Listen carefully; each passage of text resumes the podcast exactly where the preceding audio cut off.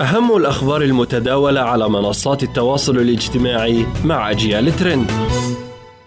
أهلا وسهلا بكم مستمعي ومستمعات أجيال موجز أجيال ترند. معكم حنان محبوبة.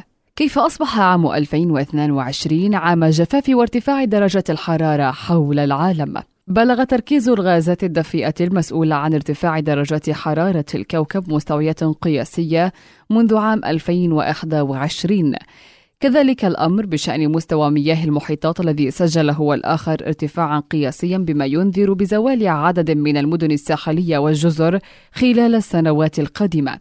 يقول علماء إن العالم يشهد هذا العام واحدة من أكثر حالات الجفاف انتشارا منذ عقود وتحطم الأرقام القياسية في بعض المناطق كما أصبحت حالات الجفاف المفاجئة أكثر شيوعا.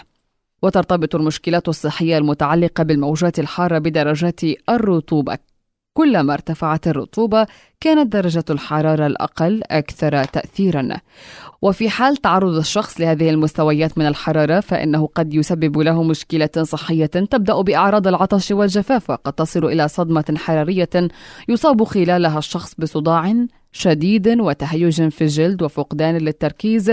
وإذا استمر الأمر فإنه يمكن أن يصل إلى مرحلة فقدان كامل للوعي مع اختلاجات قد تؤدي للوفاة. في النهاية.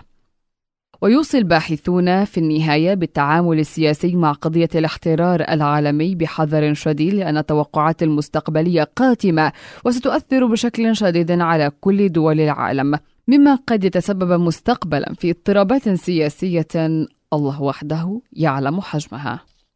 دار أيتام خميس مشيط واعتداء أفراد من الأمن على فتيات في السعودية يصدم المجتمع العربي تصدر وسم أيتام خميس مشيط مواقع التواصل الاجتماعي في السعودية التي ضجت بمقاطع فيديو صادمة تظهر اعتداء رجل أمن ورجال آخرين ملثمين على دار أيتام خاصة بالفتيات وضربهن بالعصي والأحزمة وسحلهن.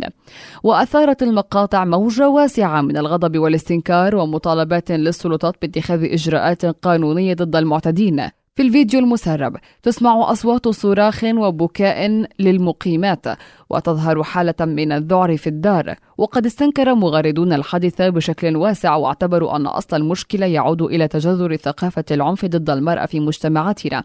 وعبر آخرون عن استيائهم من استباحة كرامة المرأة السعودية بهذا الشكل مطالبين السلطات باتخاذ أقصى الإجراءات ومحاسبة كل من شارك بالاعتداء على الفتيات.